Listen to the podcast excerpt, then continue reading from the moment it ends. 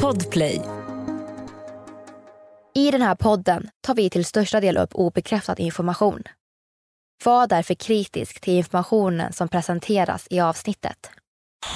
We're beginning to understand that the Anunnaki gods that were actually ETs could be still out throughout the universe. A collision with another planet. Could it really happen? As a matter of fact, it already has.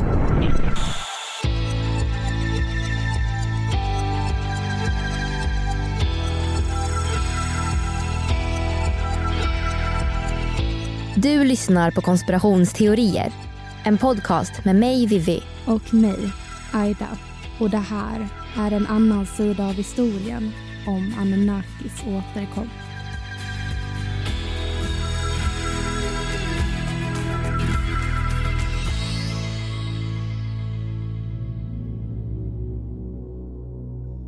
De mesopotamiska gudarna Anunnaki benämns ofta med dubbel betydelse. Stora himmelska gudar och underjordens stora gudar. På ett sätt som onda och goda. Och universums skapare, guden Marduk, är kanske den mest intressanta av dem alla. Det var nämligen han som startade Anunnakis största krig mot varandra. På en mycket skadad assyrisk kilskriftstavla kan vi läsa om gudarnas krig mot varandra på jorden. Innan vi människor fanns. Marduk ledde en armé av Anunnaki in i den heliga staden Nippur vilket tvingade gudarna som bodde där att fly och söka skydd. Det blev en obalans i gudavärlden och kaoset orsakade en förödande översvämning. Marduk fängslades och historien avslutas med en varning. Upprepa aldrig kriget mellan Anunnaki och Eshumeshas gudar igen. Marduk är förmodligen den mest komplexa guden i den mesopotamiska gudavärlden. I ett mesopotamiskt konstverk beskrivs han som Anunnaki och Igigis ledare.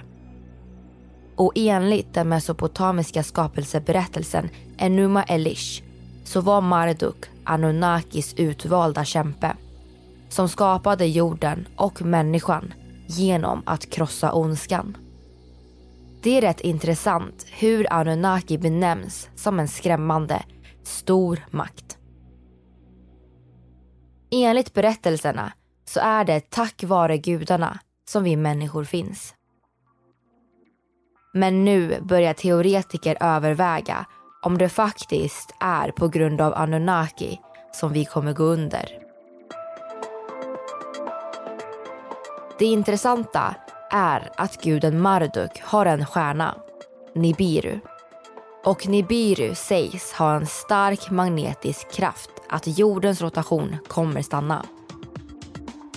Dess närvaro kommer märkas genom jordbävningar, vulkanutbrott, flodvågor och stormar. När Nibiru kommer är domedagen här. Och det ska vi prata om idag när vi ska diskutera en konspirationsteori om Anunnakis återkomst. Som kanske innebär mänsklighetens undergång.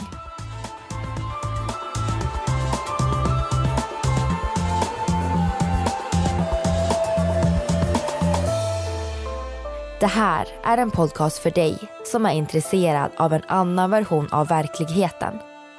En version som tar upp alternativa teorier, mystiska sammanträffanden och diskussioner om vad som kan vara sant.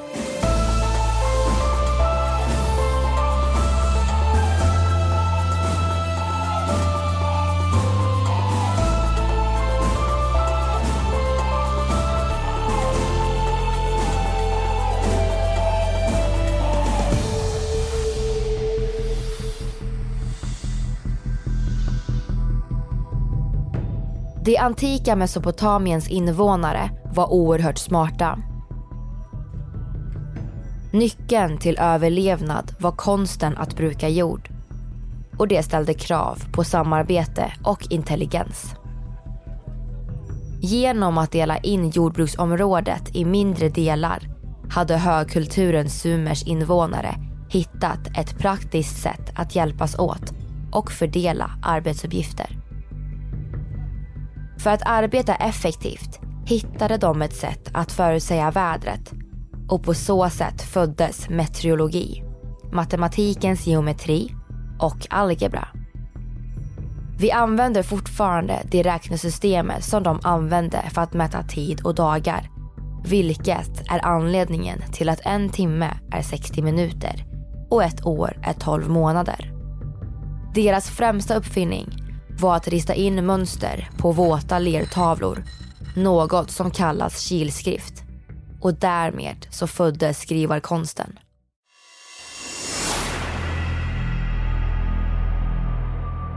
I Mesopotamiens mellersta delar bodde akaderna som fredligt levde sida vid sida med sumererna.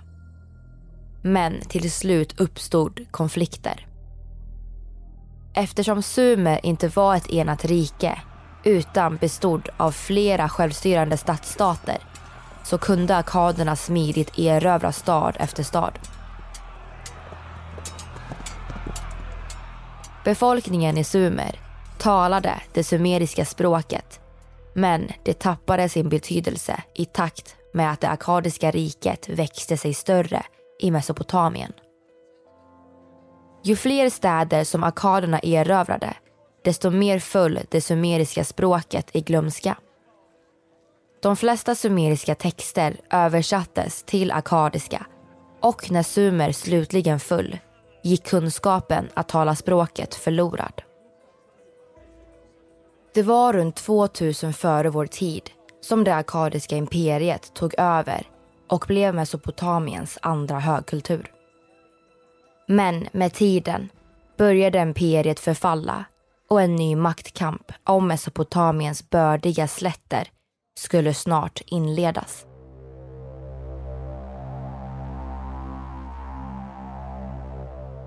Under denna tid bestod Mesopotamien av många högt utvecklade städer.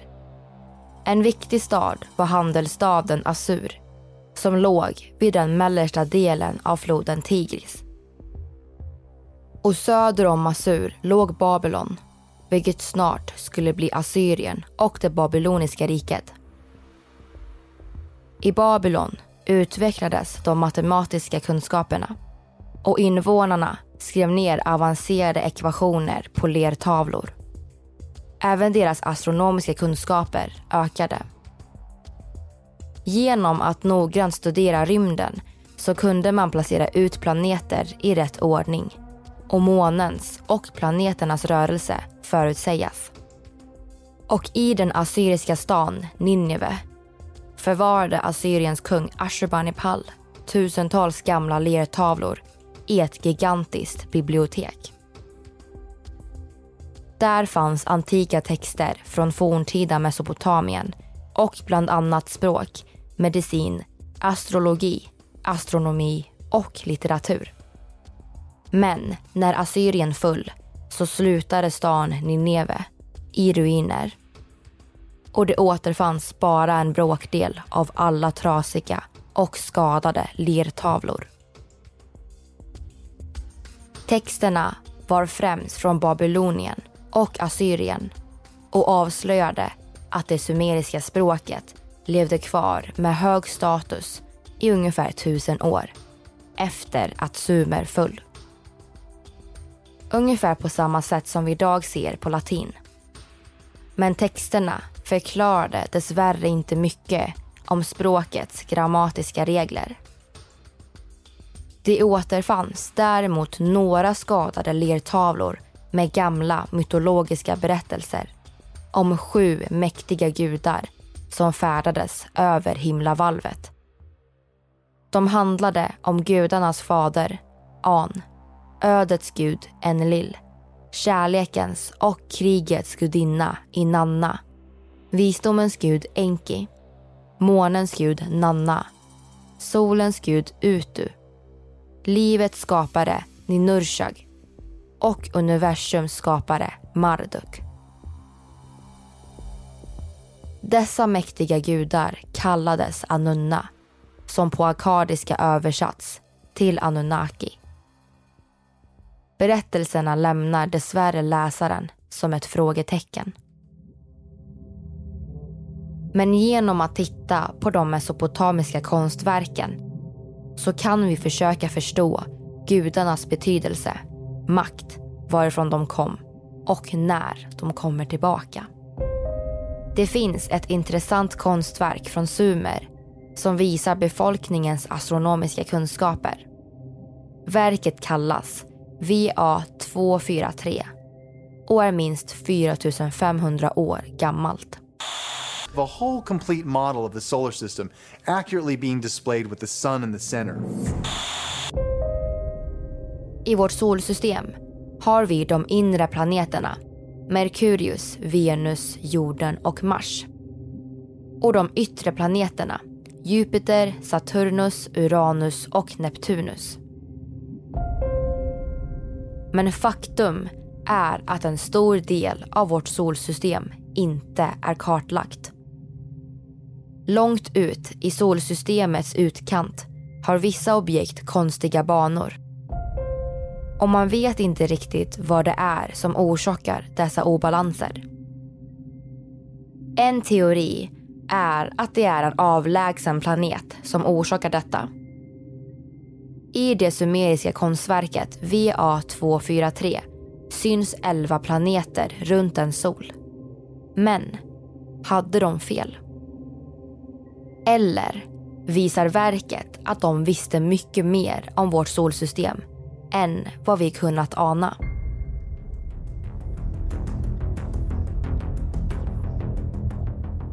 Rymden är verkligen ett mysterium.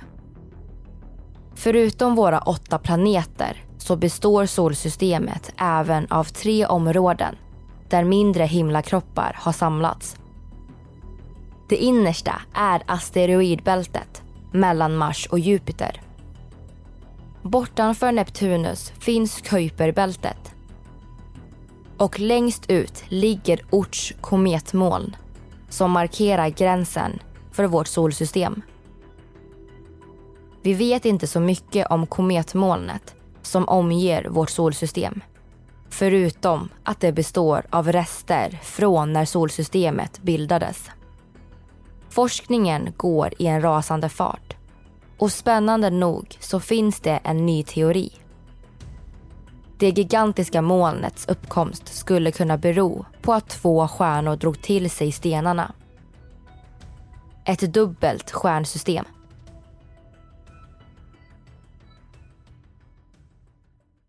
Dubbelstjärnor i rymden är rätt vanligt. Många stjärnor färdas tillsammans i rymden och kretsar kring samma tyngdpunkt. Det finns även system med tre stjärnor och man har även hittat planeter som kretsar kring ett dubbelstjärnesystem. Solens potentiella tvilling har fått namnet Nemesis och tros vara en liten kall stjärna som för länge sedan kom in i en bana som förde stjärnan ut ur vårt solsystem. Det kan faktiskt vara så att en annan stjärna drog till sig solens tvilling när den passerade vårt solsystem.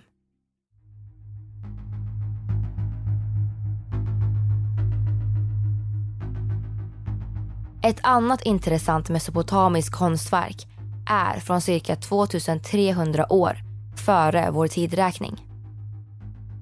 Verket är känt som Naramsins segerstele och visar när akaderna lyckades erövra Sumer och gestaltar människor som tittar upp mot himlen. Vi har även Eshardons segerstele ett spännande konstverk som gestaltar den assyriske kungen Eshardon när han besegrat egyptierna. Kungens hand är sträckt mot gudarna som syns i det övre hörnet. Det lustiga är att båda dessa verk visar två närliggande solar i himlen. Ett dubbelstjärnesystem. Visste de mesopotamiska konstnärerna att solen föddes med en tvillingstjärna. Om solen föddes med en tvilling så ökar sannolikheten väldigt mycket att det finns en till planet. Bortanför Neptunus. Planet 9.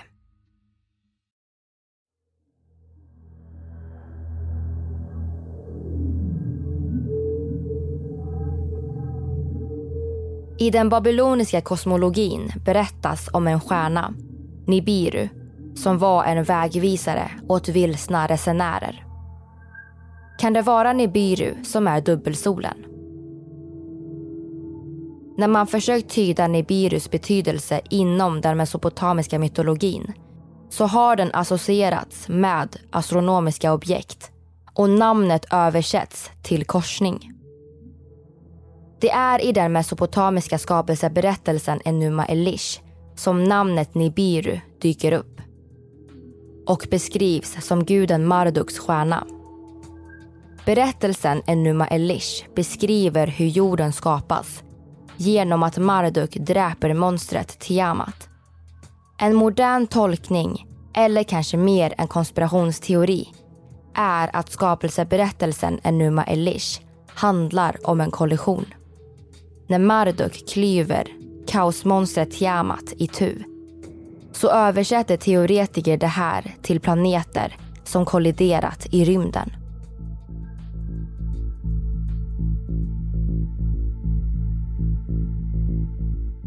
Enligt teorin så hände det här för ungefär 4,5 miljarder år sedan, innan jorden fanns. Det första som hände var att Nibiru kolliderade med planeten Tiamat som låg mellan Mars och Jupiter.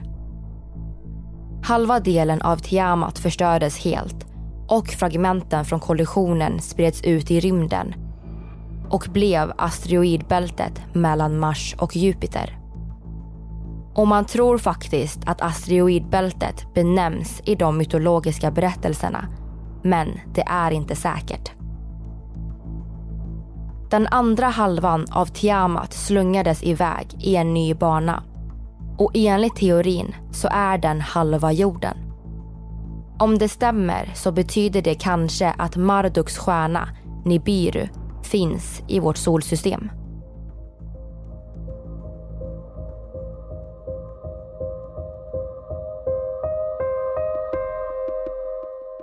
Idag är konspirationsteorin om Nibiru känd över hela världen.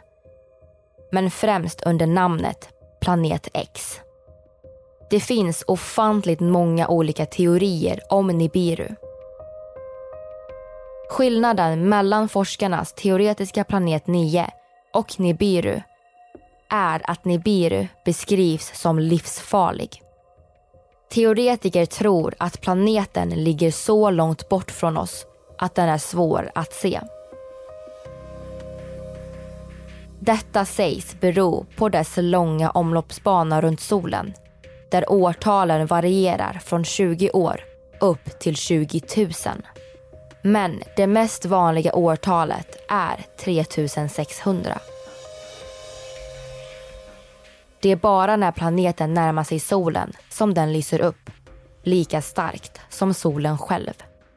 Så kanske var det Nibirus närvaro som låg bakom dubbelsolen i de mesopotamiska konstverken.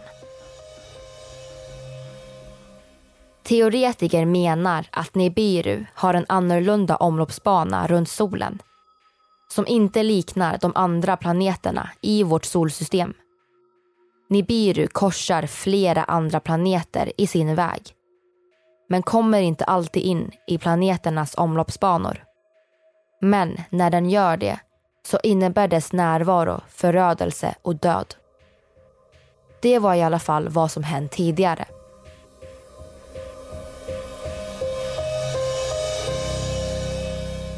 Det finns nämligen teorier om att Nibiru närmade sig jorden ungefär 9500 år före vår tidsräkning. Jordens gravitation drog till sig ett stort klippblock från Nibiru som slog ner i havet. Detta bildade en megatsunami en gigantisk flodvåg. Det är den flodvågen som benämns som syndafloden. En kontinent på jorden drabbades så allvarligt av vattnet att den idag inte finns längre. Atlantis. Och det finns en risk att planeten kommer innebära förödelse igen. Nibiru sägs ha en så stark magnetisk kraft så att dess närvaro kommer märkas genom jordbävningar, vulkanutbrott, flodvågor och stormar. Sen kommer planeten göra att jordens rotation stannar upp. Och magnetfälten kan riskera att skifta poler. Många tror att Nibiru kommer tillbaka år 2040. Och när Nibiru, Marduks stjärna, kommer, då är domedagen här. Det är då Marduk kommer tillbaka och Anunnaki gör sin återkomst. Man tror att gudarna kommer år 2045 och året därpå, 2046, går jorden under.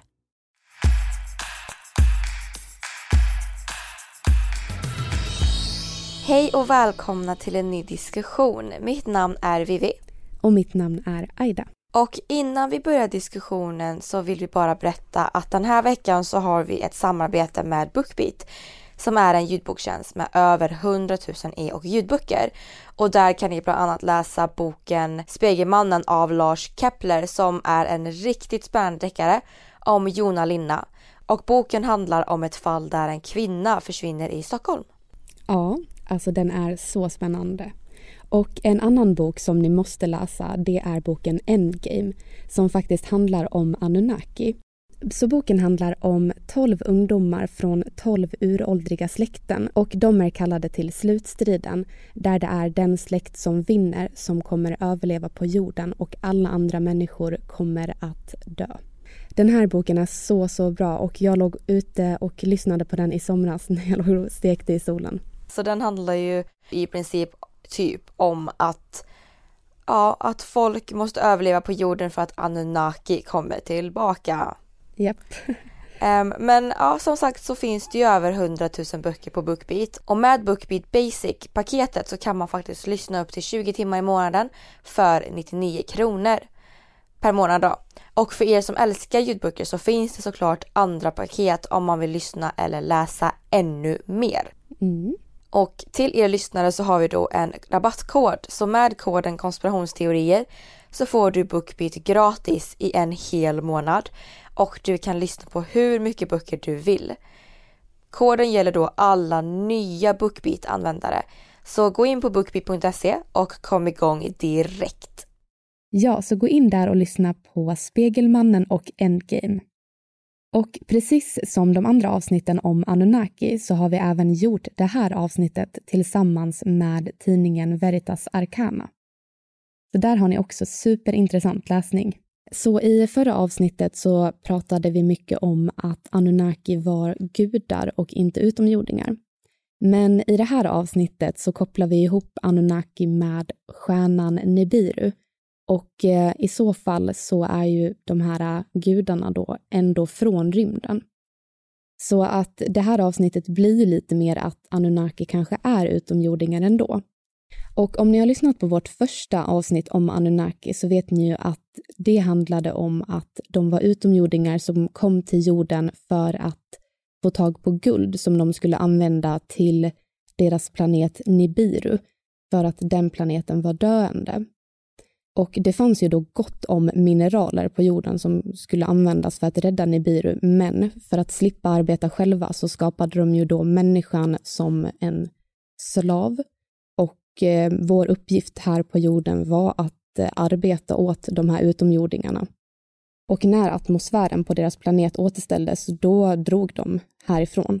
Men om Nibiru var döende en gång i tiden, kommer den då kanske inte vara döende igen, tänker jag.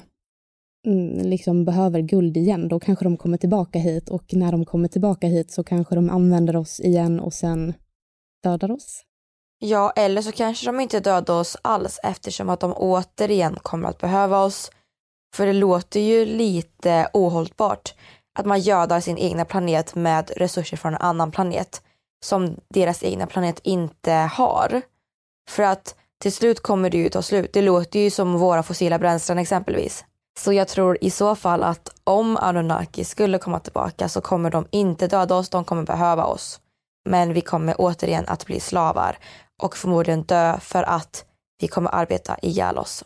Men du, vad tror du om den här skapelseberättelsen Enuma Elish? Alltså tror du att eh, Marduk och Tiamat är planeter? Jag vet inte riktigt vad jag tror, för enligt en del så säger vi att det är gudar och sen så säger vi att det är stjärnor och sen säger vi att, ja, men att det är gudar igen. Så jag vet faktiskt inte riktigt vad jag tror. Um, den här konspirationsteorin eller självaste mytologin är väldigt intressant. Jag tycker den är väldigt rolig. Men jag skulle nog säga att det kanske låter mer rimligt om det var planeter. Men om det är planeter, då är det ju i princip så att det är utomjordingar, för då kommer ju utomjordingarna komma från den planeten. Så jag vet inte riktigt, men jag tycker om den här teorin är rolig. Men om jag måste välja mellan de två så skulle jag säga att jag tror att det är stjärnor. Eller planeter. Alltså jag tycker det är ganska spännande att tänka vad det är som sumererna visste. Alltså när de levde.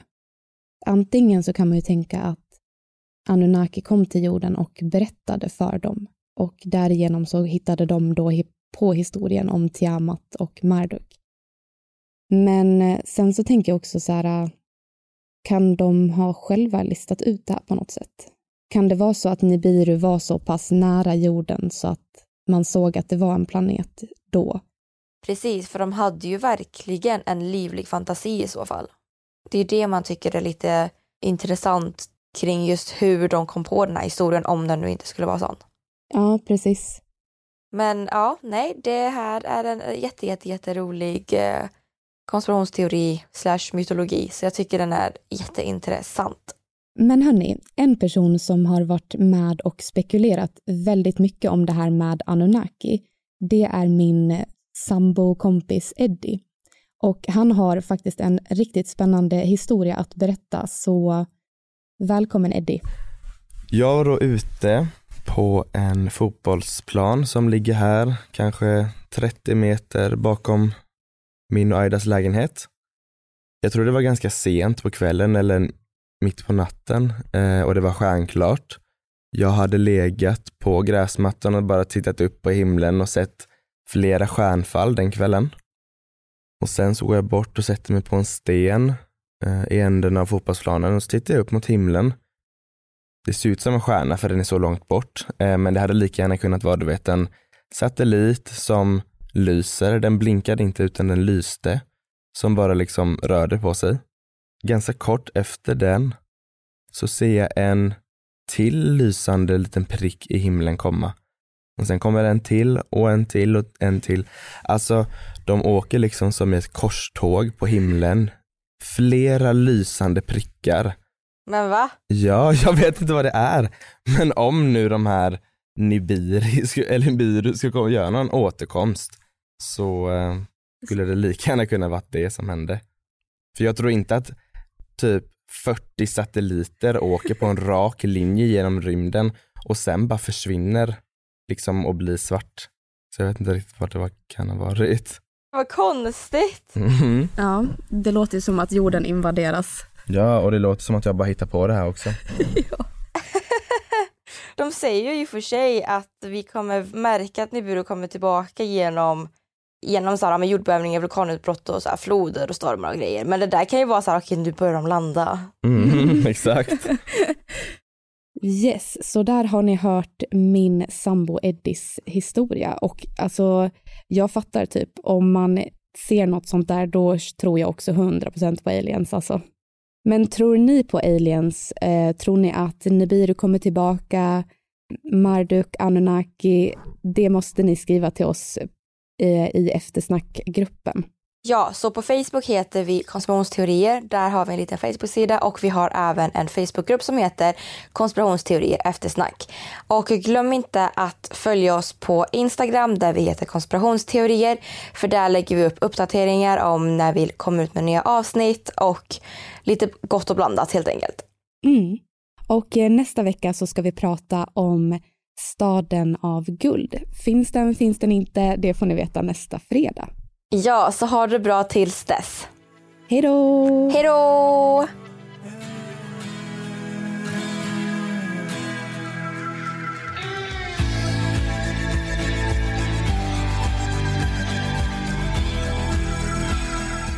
Du har lyssnat på podden Konspirationsteorier som gjordes hösten 2020. Vi som har gjort programmet heter Vivian Lee och Aida Engvall tillsammans med redigerare Jenny Olli. Källorna hittar du på Facebook.